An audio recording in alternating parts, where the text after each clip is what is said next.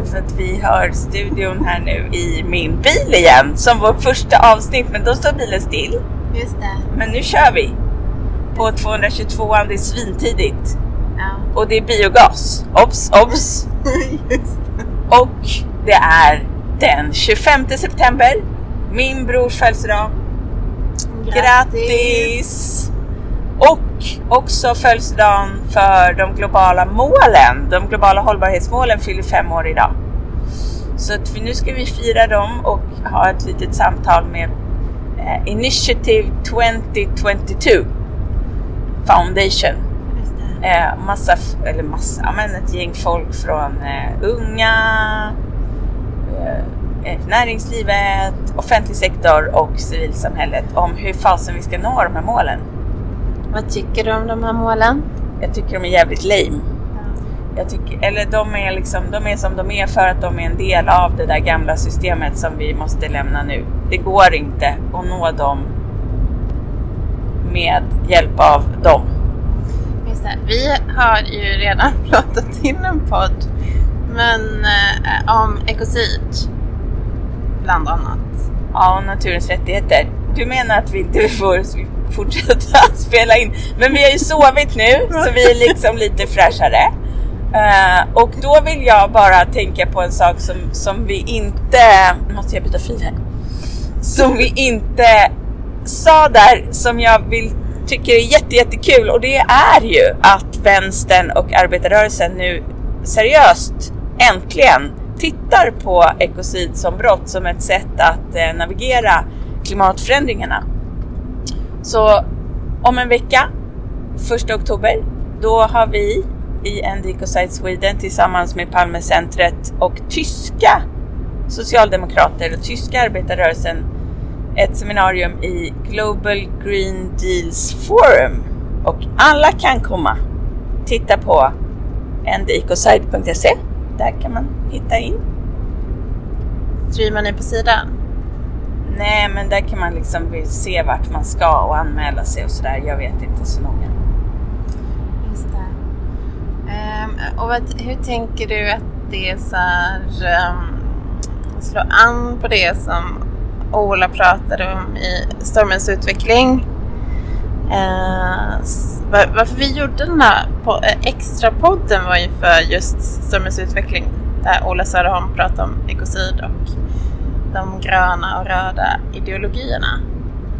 Eh, för Ola hade läst Martin Hultmans text, bland annat. Varför får säga Martin Hultman? Mm, Mm. Men så vad tänker du liksom, att sossarna nu är väldigt intresserade av ekocid? Um, att det är en skitbra fråga, tack. Eh, Alltså, därför att jag tror att det är väldigt många som nu ser att det faktiskt inte går. Det är inte förenligt med någon slags rationell livshållning att eh, eh, förstöra de levande system som ger oss allt vi behöver. Det är ändå så här på bordet. Det verkar ju vara galenskap. Eh, tycker inte bara vi, utan väldigt många.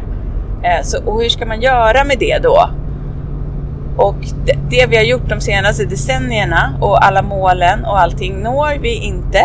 Och det verkar inte som att vi kommer nå dem heller. Och då måste man ju se sig om. Om, om man tänker så behöver man se sig om efter någonting annat. Och då är ekocid det som är liksom mest eh, vad ska jag säga? Jag skulle säga så här som enk, det, som, det som är enklast. För att det är förenligt med den röda ideologin och även med, jag skulle säga att det faktiskt är förenligt med de flesta ideologier. Det kanske vi kan utforska någon annan gång. Ehm, det handlar om att ge oss själva bättre regler inom existerande ramverk och institutioner. Det är liksom en ganska enkel tanke faktiskt. Ja, Ja. Ska vi säga så? Vi säger så. Vad Ja. kul! Jättekul med att vi får göra extra hela tiden. Extra. Extra, extra, extra. Allt.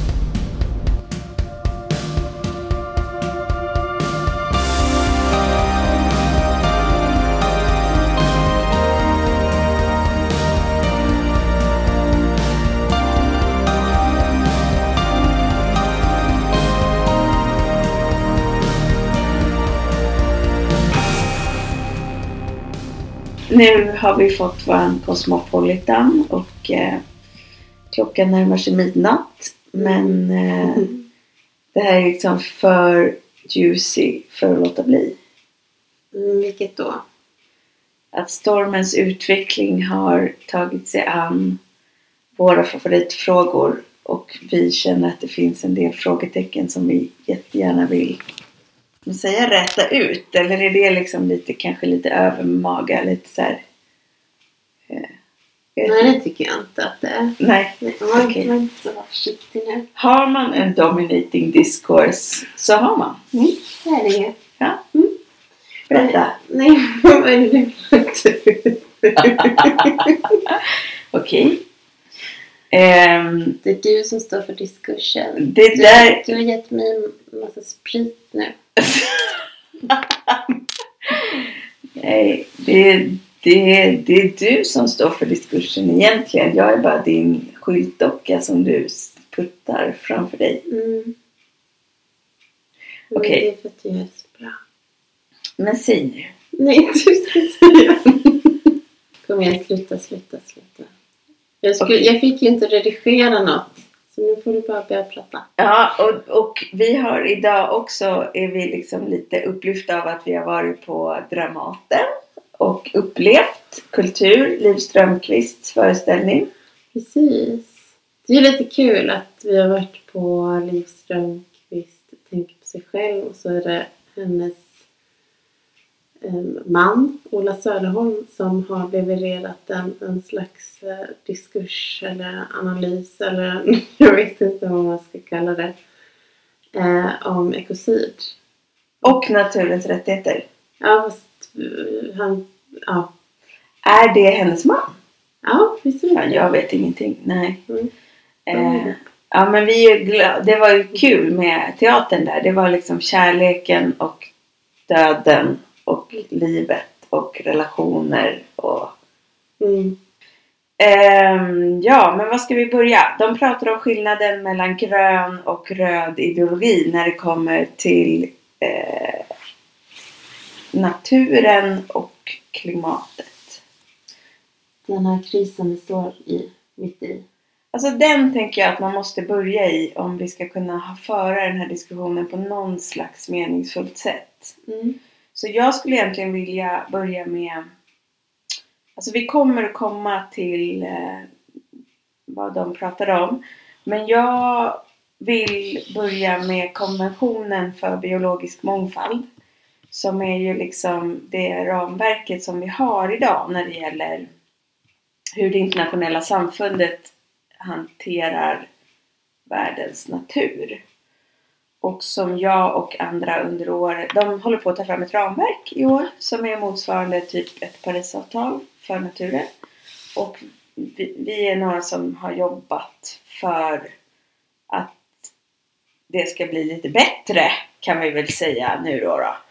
Eh, för att det är så spännande att både CBD, konventionen för biologisk mångfald, och deras vetenskapliga organ IPBES, Intergovernmental Panel on Ecosystem Services, on Biodiversity and Ecosystem Services, alltså typ IPCC, fast för naturen.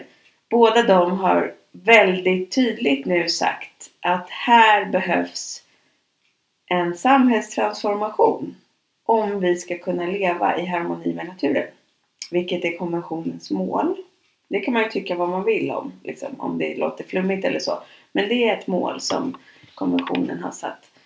Eh, och då så säger de så här, nu behöver vi transformativ policy. Och jag har då lite förslag på vad, inte bara jag, men vi kan låtsas att det är jag nu för enkelhetens skull. Um, har eh, förslag på vad den där transformativa policyn skulle kunna vara. För det är skitflummigt liksom och säga så här, vi behöver transformativ policy. Ja men ja, vad, vad fan är det då? Och vi tror ju att det är exakt just det som Liv och Ola pratar om i den här podden. Nämligen naturens rättigheter och ekocid som internationellt brott. Och vi ska förklara varför. Men först vill jag bara säga att jag var på miljödepartementet och träffade dem som är ansvariga för Sveriges position i CBD och frågade dem vad det betyder. Mm. Vad betyder transformativ policy när ni skriver det för er? Liksom? Och att döma av svaren jag fick så har de aldrig tänkt på den frågan. Mhm. Det tycker jag är mycket spännande. Mhm, vad menar Varför tycker du det? Spännande. Varför är det spännande? Därför att Jag jag... lägger jag min hand på ditt bröst här. Du, det är så jobbigt att hålla uppe så Ja, det är helt okej. Alltså vi har sett Jag mycket bröst nu på Dramaten i Livs föreställning så jag känner mig helt avtrubbad. Mm. Ehm, alltså, därför att jag håller med. Jag tror precis att det är så. Vi behöver nu en samhällstransformation och det betyder att vi behöver transformativ policy och jag tycker att man i så fall behöver svara på vad konkret betyder det? Och om man inte har tänkt på det så kan man ju inte svara på det. Eh, jag vill också innan vi börjar plocka isär det här säga att ehm, en av de här höga tjänstemännen på miljödepartementet försäkrade mig inte mindre än tre gånger under tre kvarts samtal att hon vill vara positiv. Och om man jobbar med konventionen för biologisk mångfald som för en vecka sedan släppte en rapport, Global Biodiversity Outlook, där de säger att inte på tio år, inte ett enda av konventionens mål har nåtts. Och WWF för två veckor sedan släppte en rapport som säger att i runda slängar två tredjedelar av populationerna av vilda djur i världen har försvunnit. Om man säger jag vill vara positiv så är det ungefär det mest skrämmande som jag kan tänka mig. Ska jag säga det till mina barn? Liksom? Att de som vi i det här samhällssystemet har som är ansvariga för de här frågorna säger jag vill vara positiv samtidigt som ramverken vi har inte når ett enda av sina uppsatta mål. Alltså det är ju en avgrund som öppnar sig där. Mm. Hur tänker du? Nej, fortsätt säg, pratar du. Jag känner att jag får en så här spänd röst men jag känner mig lite spänd. Jag tycker att vi liksom fasen, vi måste ha någon slags reality check när vi pratar om de här grejerna. Det är inte som att det är vilken eh, fråga som helst. Mm. Det är Mm, nej. bokstavligt talat livet på jorden. Ja, och, och um, jag tänkte... Om jag får säga på mitt sätt då. Ja, precis vad jag längtade efter. Ja men alltså podden liksom Jag tycker ju väldigt eh, mycket om Stormens utveckling väldigt ofta. Jag tycker de är väldigt lustiga. Och har ganska kul och intressanta eh, och eh, hyfsat bra nivå på sina spaningar. Men den här liksom Jag blev så tagen av hur otroligt efterbliven den här antropocentriska spaningen eller analysen är. Um, att, att hela tiden titta på världen som, som att den är för människan och som att det, det är vår blick som ger den någon slags värde. Jag vet inte, jag, jag blev um, um, som men, men att den, det var någonting där som blev så tydligt för mig. Mm. Att, Sånt är härligt. ja, ja, men att, att, att det här liksom, men det här, det här, den här podden är liksom ett rum som jag tycker om att, att vara i och lyssna på och längtar efter när jag har lyssnat på ett avsnitt. eh, att det ska komma nästa. Och så var det så en tydlig det här, den här eh, förståelsen, den här grunduppfattningen om vad, vad det är att att eh, vara människa på jorden.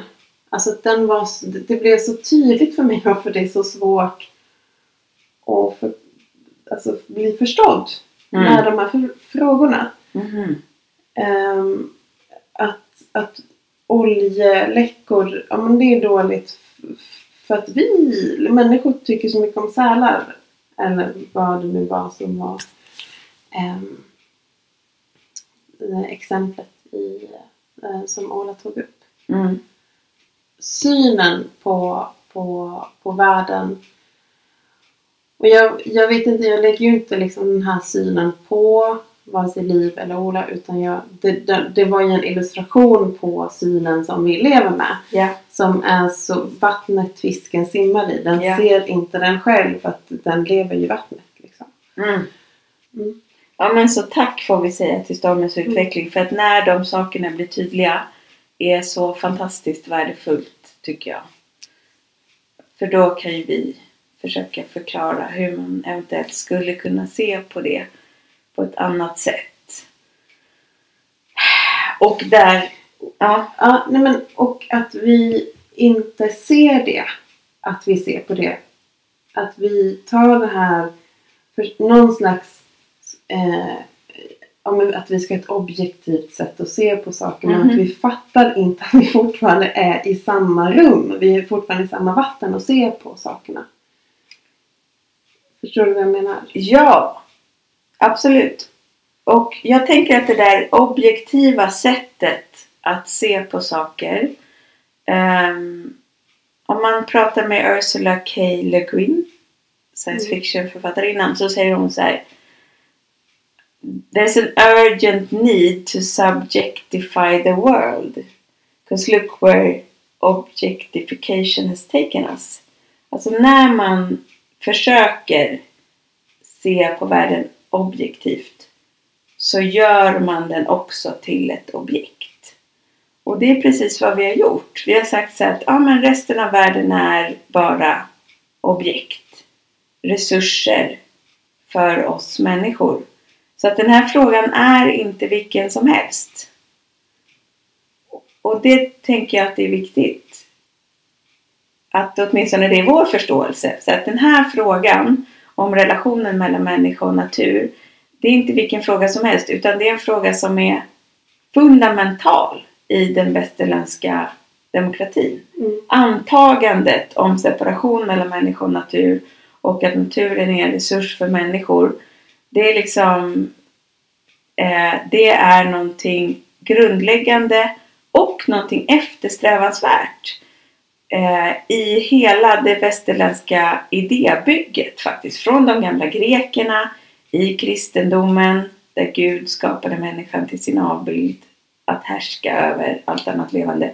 Och även i vetenskapen där vetenskapens uppdrag egentligen är att så mycket som möjligt eh, kontrollera och dominera världen. Det är liksom grunduppdraget för vetenskapen och det är fortfarande det. Mm. Så att de röster som, har, som vi har vänt oss till för att få reda på vad är sant. Alltså kyrkan var det ju. Vi gick till kyrkan och frågade hur ser världen ut och så kunde prästen berätta vad Gud sa. Och sen så slutade vi tro på det och då började vi istället gå till vetenskapen och fråga hur ser världen ut? Och så berättade vetenskapen det. Och det man berättade, alltså vår världsbild, det var ju hela tiden att världen är en resurs för oss att bruka mer eller mindre effektivt. Att liksom ja, mäta upp och använda oss av på olika sätt. Mm. Och sen kan man då som vänstern pratar om eh, så kan man diskutera så här, vem är det som får makten över resurserna? Men det är fortfarande bara resurser. Och jag undrar om det är det de pratar om. Och det här blir väldigt spännande. Alltså skillnaden mellan det gröna projektet och det röda projektet är att lite schablonartat då att det röda projektet jobbar ju fortfarande utifrån den idén. Mm. Men det gröna projektet, åtminstone delar av det, är ju systemkritiskt. Alltså kräver transformativa lösningar. Alltså kommer från en helt annan idé om världen och människans roll i den. Och då är det klart att det kommer att vara inte kompatibelt Mm. med, med någonting annat. Nej. Så när man pratar om moderniteten, att det gröna projektet liksom mm, inte funkar med moderniteten så är det ju helt rätt. Alltså moderniteten innebär att ta för sig mer och mer från naturen för att bygga upp den mänskliga sfären och det är det vi ser effekter av idag. Och de pratar ju om Greta där. Där Greta säger att eh, initiativ som Green New Deal till exempel är kontraproduktiva. Vad, vad säger du om det? Alltså, Greta, som, det som de spelade upp i podden från hennes sommarprat handlar ju just om, om att vi, alltså, vi måste ställa om. Vi måste, det behövs en, en, en transformation här. Och, och det är ju inte så här, alltså det, det här systemet, varför det ser ut så, det, det är inte ett dugg i systemet. It's a feature. Ehm, så att det är liksom systemet i sig som är byggd på helt, ja, som var generös och säga, felaktiga antaganden om, om vilka vi är och vad, vad vi ska göra eller hur vi kan vara här på jorden Mm. ehm, som människor.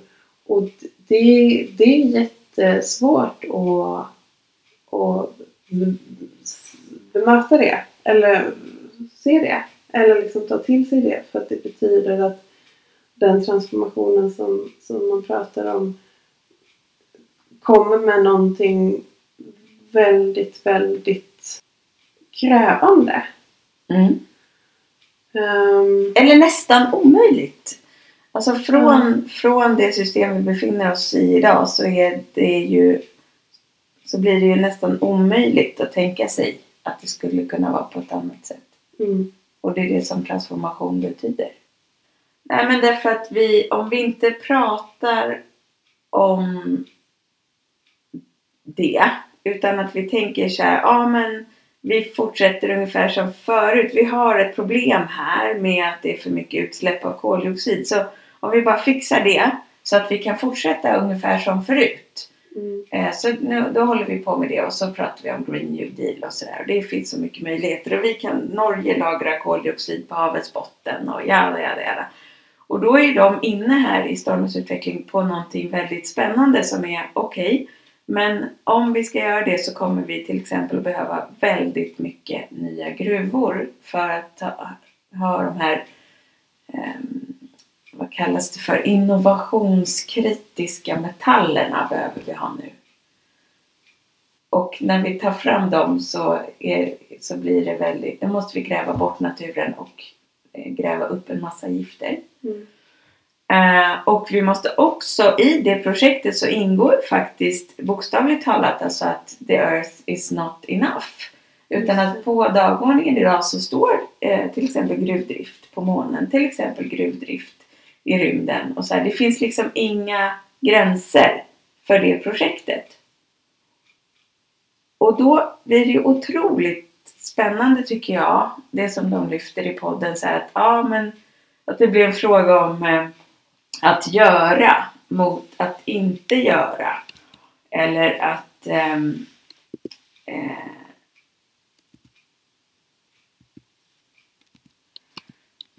så att det röda projektet skulle vara så att ja men vi fortsätter att göra och nu är utmaningen att göra produktionen ren så att vi kan fortsätta producera. Men, visst, men utgångspunkten är att vi ska fortsätta producera eh, och då blir det väldigt intressant att fråga så här okej varför då? Eller för vad? mm, Ja, men för att bygga upp den mänskliga sfären, för det är det som är liksom, utveckling då. Och det innebär att vi måste, då måste vi se oss om i rymden efter hur vi ska kolonisera den också. Ehm, och så länge det gröna svaret där är att det kan vi inte göra därför att då dödar och förgiftar vi livet. Mm. Så blir det ju en motsättning mellan att göra eller att inte göra. Och drar man ut det, och det gör man ju, till exempel många unga som jag möter, de inser ju att ja, men det innebär att slutsatsen blir att människan är en, någon som är dålig. Mm. Som helst ska göra så lite som möjligt och göra så små avtryck som möjligt och att det kanske till och med vore bättre om det inte fanns människor. Mm. Och det är en oerhört sorglig slutsats. Mm. Verkligen. Och det är ju där som vi tänker att vi måste nog liksom transformera de här idéerna så att vi kan ta oss vidare på ett helt annat sätt. Så att det inte handlar om att göra mot att inte göra utan men vad ska vi göra? Vad är utveckling idag? När vi ser att idén om utveckling som vi har haft är otroligt destruktiv. Mm. Då måste vi nog ändra den idén. Till, till vad då? Frågar du mig? Mm. För du har en så dominerande diskurs. Men jag tänker just att den, den grejen tar upp det. Hela tiden prata om att minska sin, sin plats, liksom. minska sitt handlingsutrymme som just blir till en alltså, ganska nihilistisk eh, uppfattning om vad det betyder att finnas till. Alltså, jag vet inte var ska det leda någonstans. Väldigt tråkigt tycker jag. Alltså fruktansvärt tråkigt och, och, och vara ung idag och, och höra det och sen höra ja, och ditt, ditt, din framtid är ett fack liksom. Alltså Eh. var är begäret där? Eller hur? Och, och, och det samtidigt är det så, så märkligt att, att vi inte kan, att vi kan inte vidga ens tankeförmågan Mm. mer till att se så här, det går att göra hur mycket som helst. Alltså det, det, det så att handlingsutrymmet behöver krympa utan den, den tar bara en annan, en annan väg åt ett annat håll. Mm. Ja, för att om man stannar där vid så här, jag vill vara positiv. Jag kan ju i det läget inte ens fråga, okej, vad betyder det? Mm. Därför att det blir så, det finns så mycket rädsla Ja. i den positionen. Så att det går inte ens att skrapa på den, det går inte ens att undersöka den. För att då faller allt. Okej, men det där var lite, lite existentiella grejer. Om vi ska gå in på lite 90 gritty då. Ja. För någonstans så, jag tycker ju att det är jävligt flummigt av ett internationellt ramverk att säga vi måste ha en samhällstransformation utan att säga någonting om vad betyder det. Men vi tror ju ändå att vi har någon slags eh, idéer om vad en sån transformation skulle kunna vila på. Mm. Och om vi ska prata om det som pratades om i ståndens utveckling så handlar det om naturens rättigheter och om ekocid som brott som är idéer som ligger väldigt, väldigt nära oss. Och eh, det var jätteroligt och att de pratade om det och de pratade om Polly Higgins som är en brittisk jurist som vi har jobbat med för att lyfta de här idéerna. Ja, var ska vi börja? Alltså,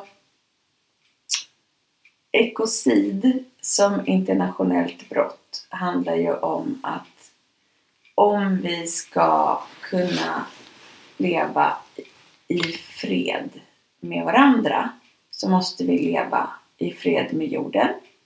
Som våra hjältinnor från Fogelstadgruppen Elin Wägner och Elisabeth Tamm skrev om i början på 1900-talet.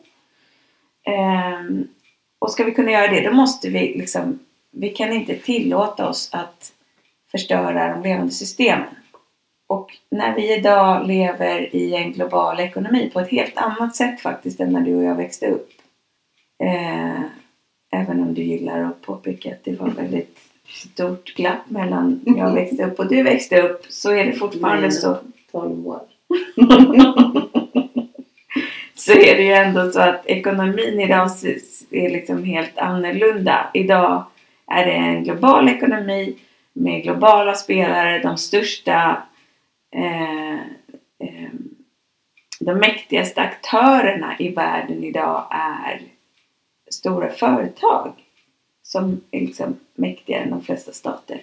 Och de agerar i ett utrymme där det inte finns regler. Det är liksom Mm. en cowboyekonomi. Just det. Så att ekocid som internationellt brott handlar ju om att säga att ja, men vi kan inte tillåta precis vad som helst för att göra vinst på. Utan storskalig miljöförstöring, det borde vara förbjudet.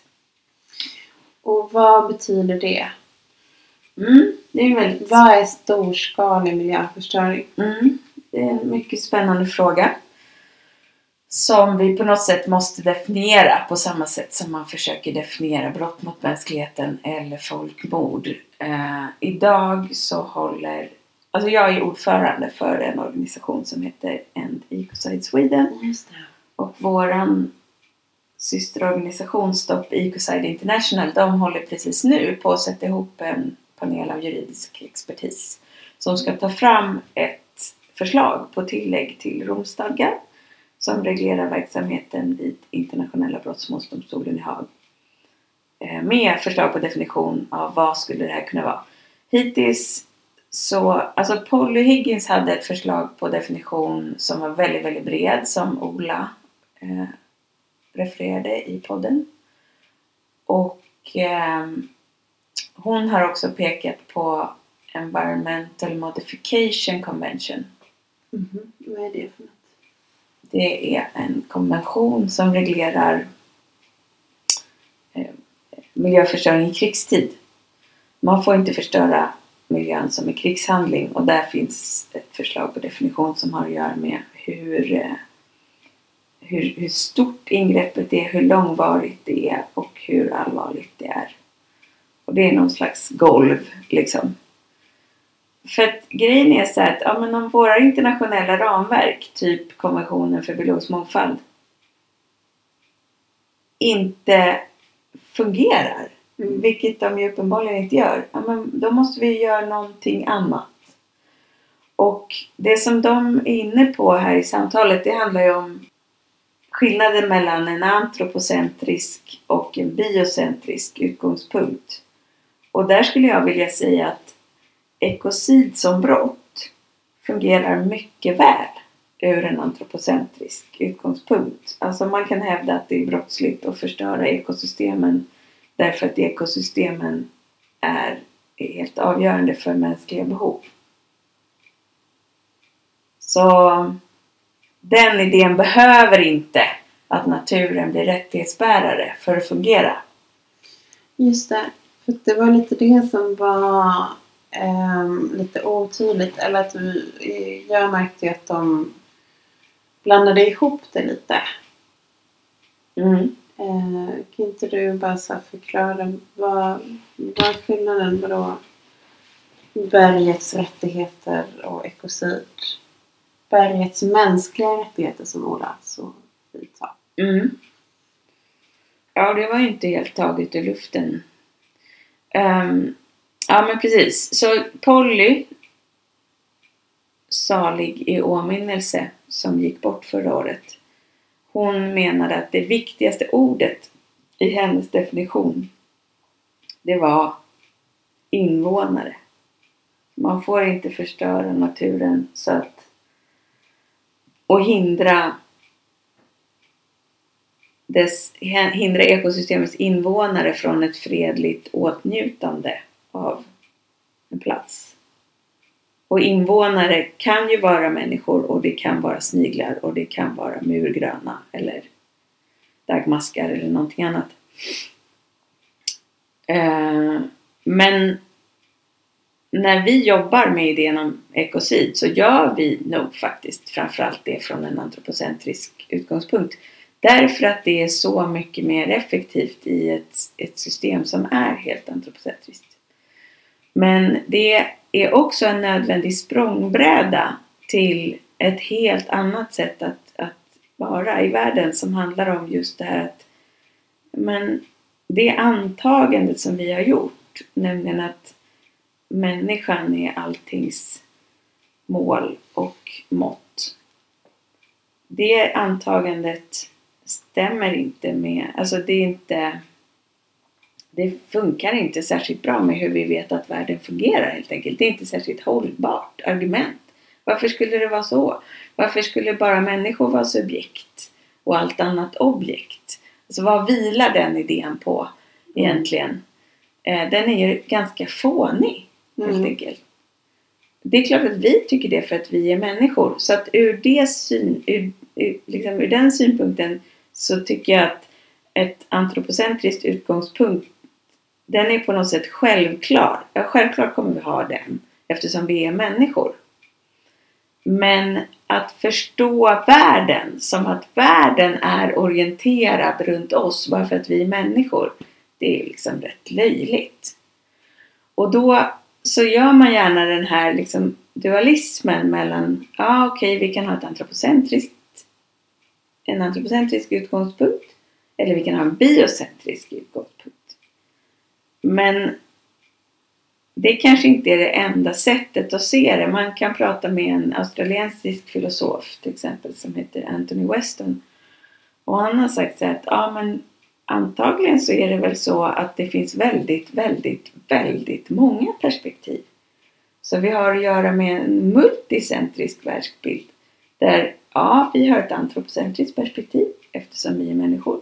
Men vi måste också öppna för att musslor har ett muslocentriskt perspektiv. Och spindlar har ett spindlocentriskt perspektiv och ekar har ett ekocentriskt perspektiv. Och så vidare och så vidare. Så jag tänker att vi behöver kunna hålla den paradoxen. Men, men det är ju lite det att, att i, den, i den nuvarande antropocentriska perspektivet så har de inga perspektiv. Nej, Det är bara vi som kan ha förmågan till perspektiv. ja. Precis. Hela vårt samhällssystem är uppbyggt på att det existerar endast ett perspektiv. Och det är det mänskliga. Eftersom alla inte- andra är objekt. Det är liksom det västerländska. Ja, kanske till och med så illa ja. Mm. Eh, och så där kommer ju då idén om naturens rättigheter och säger att ja, människor har rättigheter men faktum är att allting som existerar har rätt att existera och är juridiska subjekt. Och då så pratar Ola om ehm, att det skulle vara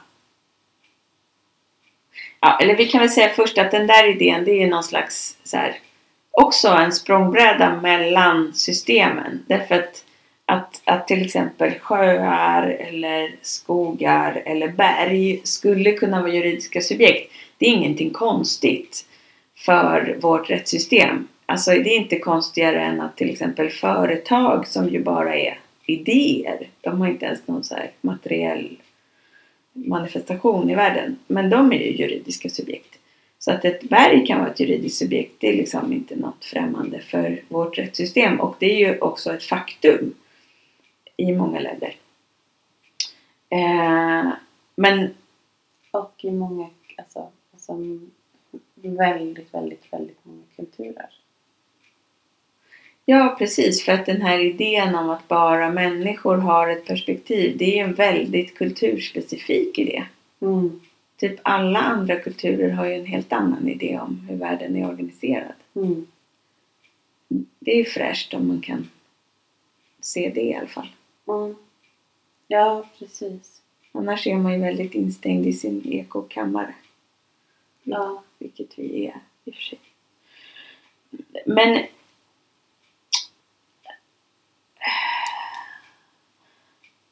Så en av de som har formulerat den här idén om naturens rättigheter är ju en katolsk präst är han väl tänkare eller vad?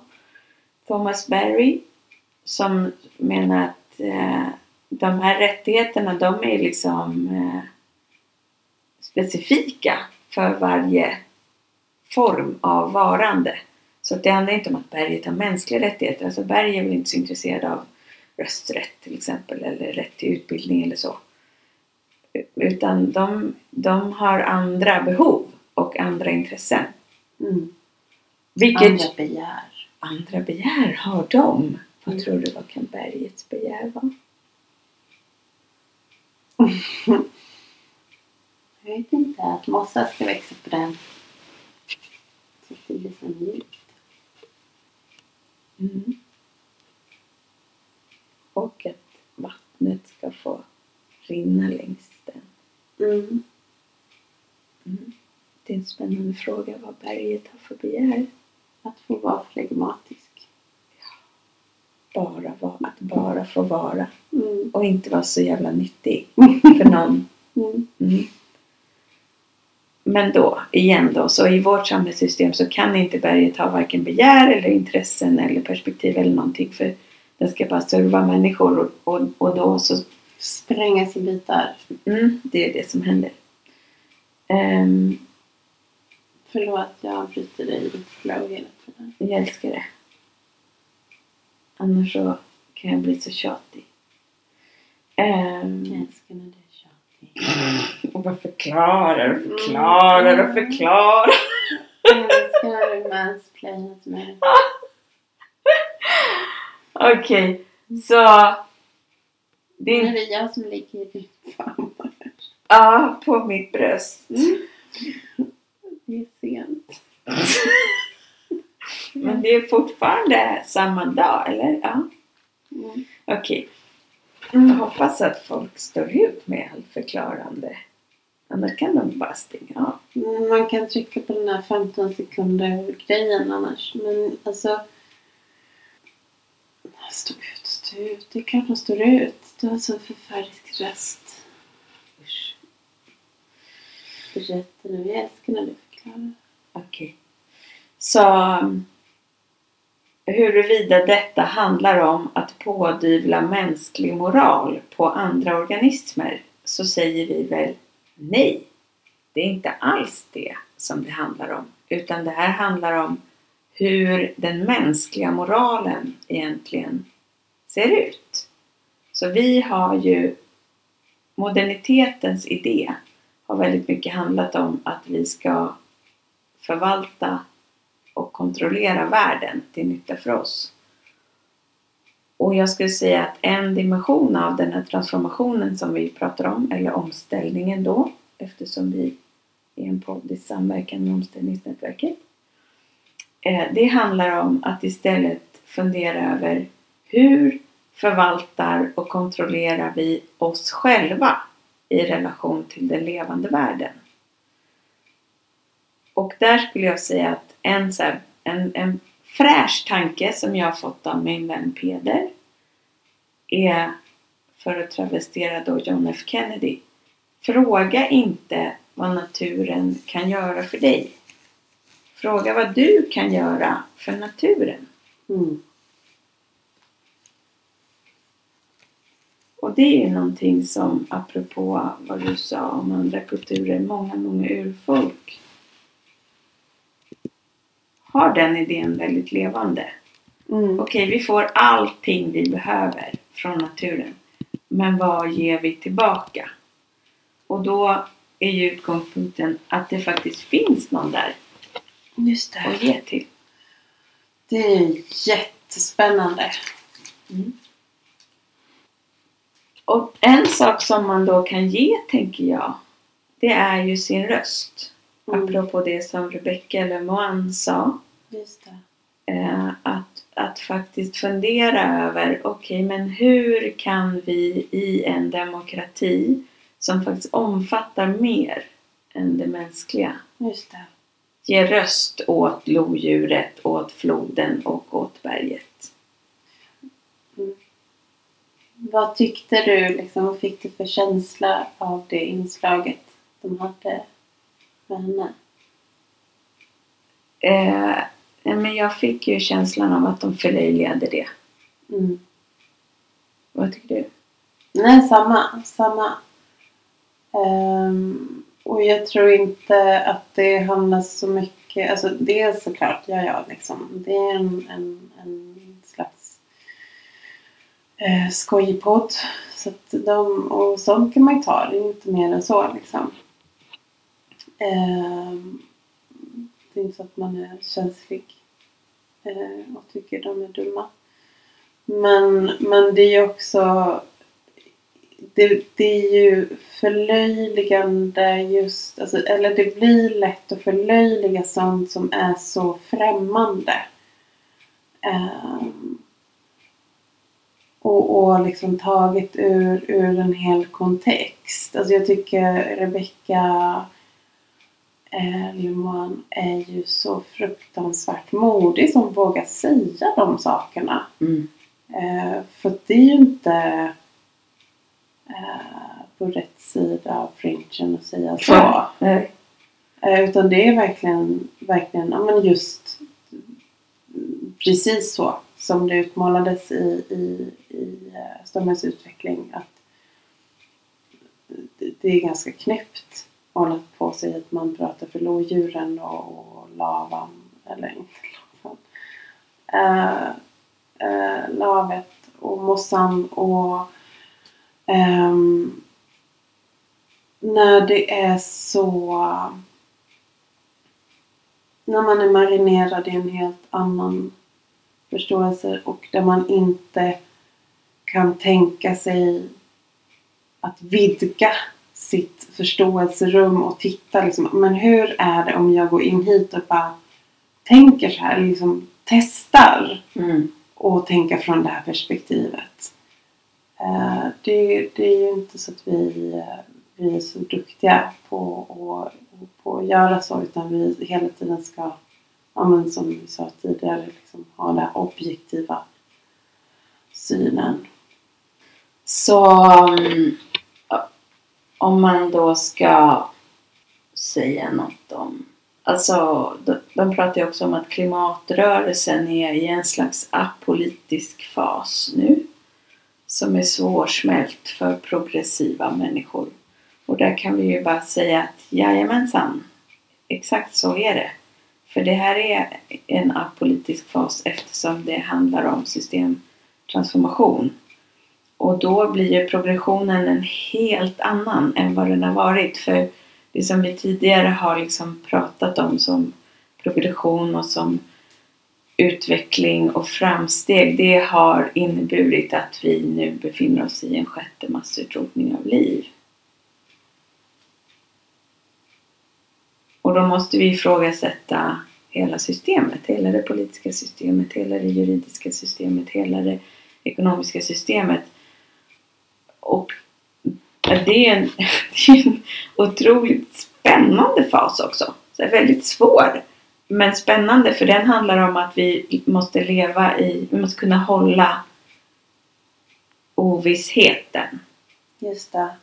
Jag tänker om man ska säga någonting mer om distinktionen mellan ekocid som internationellt brott och naturens rättigheter som är ganska viktig för mig. Ehm, där man kan säga att okej, där så kan vi inom ramen för systemet så kan vi säga att ja, men vi måste sätta gränser för den mänskliga utvecklingen. Vissa saker får man inte göra. Man får inte förstöra naturen på en stor skala för att göra vinst. Det kan vi liksom, vi, vi, kan, vi kan förbjuda det. Det juridiska systemet är en mänsklig konstruktion. Vi kan använda den för att skydda det som är viktigt och ovärderligt. Mm. Och det gör vi väldigt mycket bättre med juridik än med ekonomi. Alltså jag skulle inte kunna, jag kan till exempel, även om jag blir väldigt sur på, på, på din mamma till exempel. Eller om du är väldigt sur på din mamma. Så kan inte du säga så här, Bella kan inte du döda min mamma? För jag är så sur på henne. Dra inte in mina familjedramer i det här, snälla. Vi betalar. Jag betalar. Jag betalar. Nej, för då säger vi att människovärdet är okränkbart. Men det finns ju andra okränkbara värden. Och de kan vi liksom inte köpa oss fria från utan där använder vi juridiken. Um, och det går mycket bra att göra det inom ett antropocentriskt synsätt. Men transformationen vi pratar om kräver mer. Den kräver att vi har ett annat sätt att se på världen och vår roll i den. För att så grejen är ju liksom att det, inte, det spelar liksom ingen roll. För transformationen kommer oavsett. Mm. Jag menar att det är inte ett mänskligt projekt. Eh, den här världen. Alltså den här världen är den här världen och det, alltså de konsekvenserna som kommer av alla konsekvenser som vi håller på med.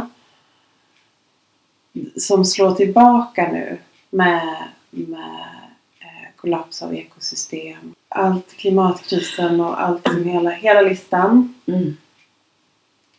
Det är ju krafter som kommer, alltså vi kan inte, vi måste bara förhålla oss till de transformationerna. Mm. Och där räcker inte höger-vänster-skalan av förståelse. Eh, utan alltså den här transformationen eh, Frågan är hur att, att vi kan inte gå emot mot transformationen och försöka kontrollera den. För att konsekvenserna som kommer, de är oundvikliga.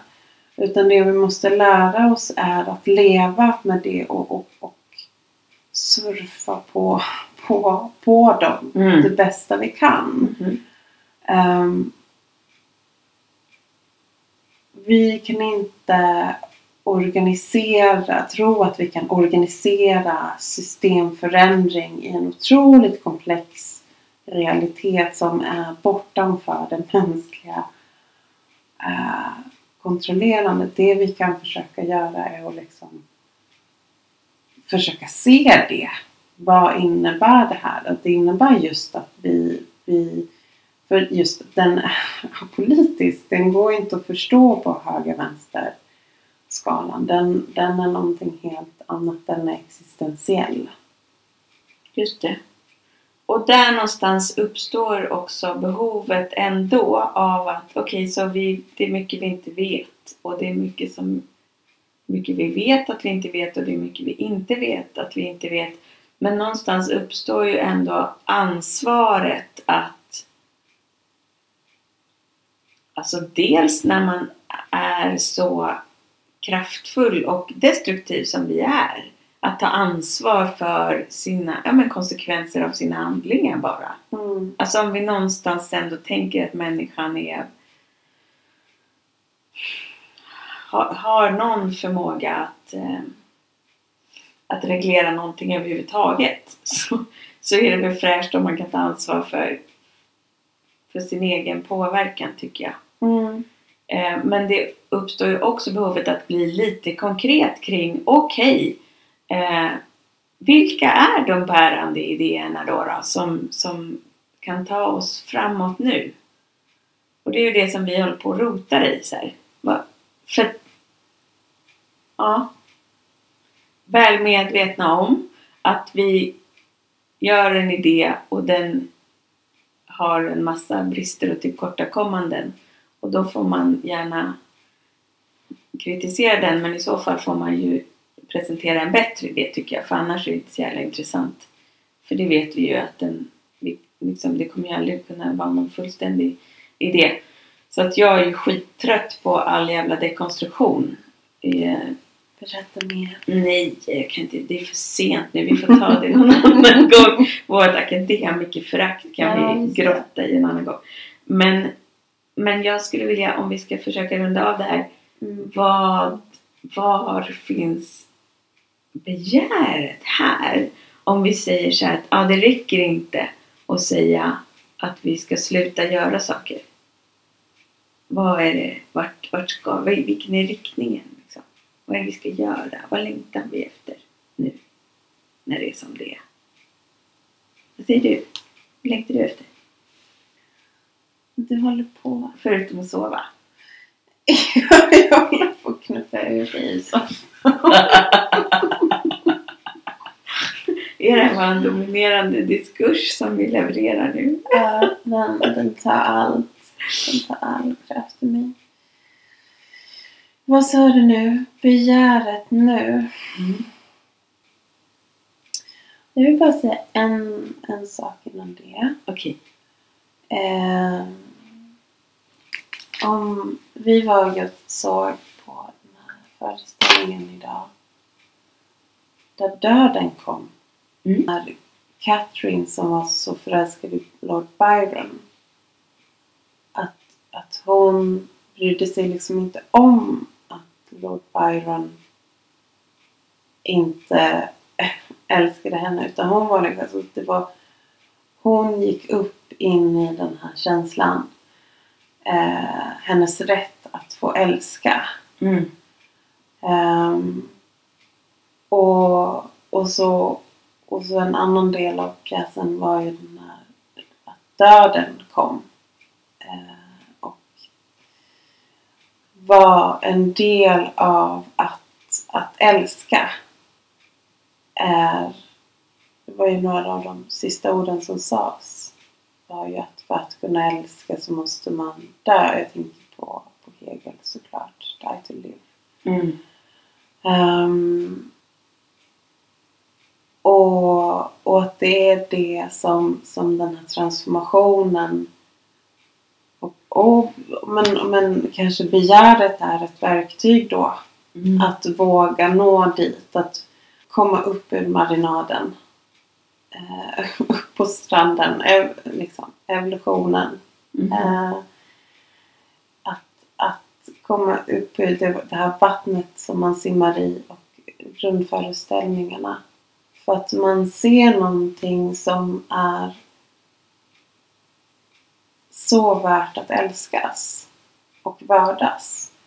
Att det är värt att, att dö i sin föreställningsvärld. Att Mm. transformera, det är ju det transformation betyder. Att dö i en värld för att gå in i nästa. Alltså det är en jävla utmaning i en kultur som är så rädd för döden. Mm. Bokstavligt talat liksom. Som gör allt för att undvika döden. För det är väl jätteflummigt att kanske säga, prata sådana här saker. Ja, men, jag vet inte, men den här pjäsen var ju verkligen, den, den har ju berättat om så här, eh, hur svårt det är att bara vilja någonting. Veta vad man ska vilja. Veta vad man, vad man vill satsa på. Liksom att vi lever i, i den kärleks... Eh, oförmågan att välja relationer. Mm. Men att det handlar om ett utforskande av, av sitt, sitt begär för livet. Mm. Och det värdiga. Vad som är värdigt och värdefullt. Jag föreläste häromveckan på en permakulturkurs och då var en snubbe där som sa att ja men du och de som kommer från ditt håll, alltså ni måste bli så mycket bättre på och, och berätta vart vi ska, hur det ser ut där och hur det funkar där och sådär. Och det kan jag hålla med om och eh, det kan vi ju göra lite mer någon annan gång i podden. Nu är det lite för sent kanske. Nu somnar hon här i min knä. Men eh, eh, så det är viktigt och jag tänker också att det är viktigt att ehm, eh, hålla det väldigt öppet Mm. i en tid av ovisshet. Att vi faktiskt inte riktigt kan veta det. Mm. Men jag håller med om att det handlar om att älska faktiskt också. Eh, Och att vidga det till att det inte bara handlar om mänskliga relationer utan att faktiskt bara fundera över vad innebär det att älska världen och hur skulle det vara om man visste man också är älskad Just det. av någonting som är större än det mänskliga. Mm. Ja, hoppas att ni ursäktar oss. Vi pratar om eh, eh, internationella regelverk inom juridiken och och och vad då? Jag kan inte ens sätta ord på det. Så svårt var det. Vi övar och övar. Godnatt. Godnatt.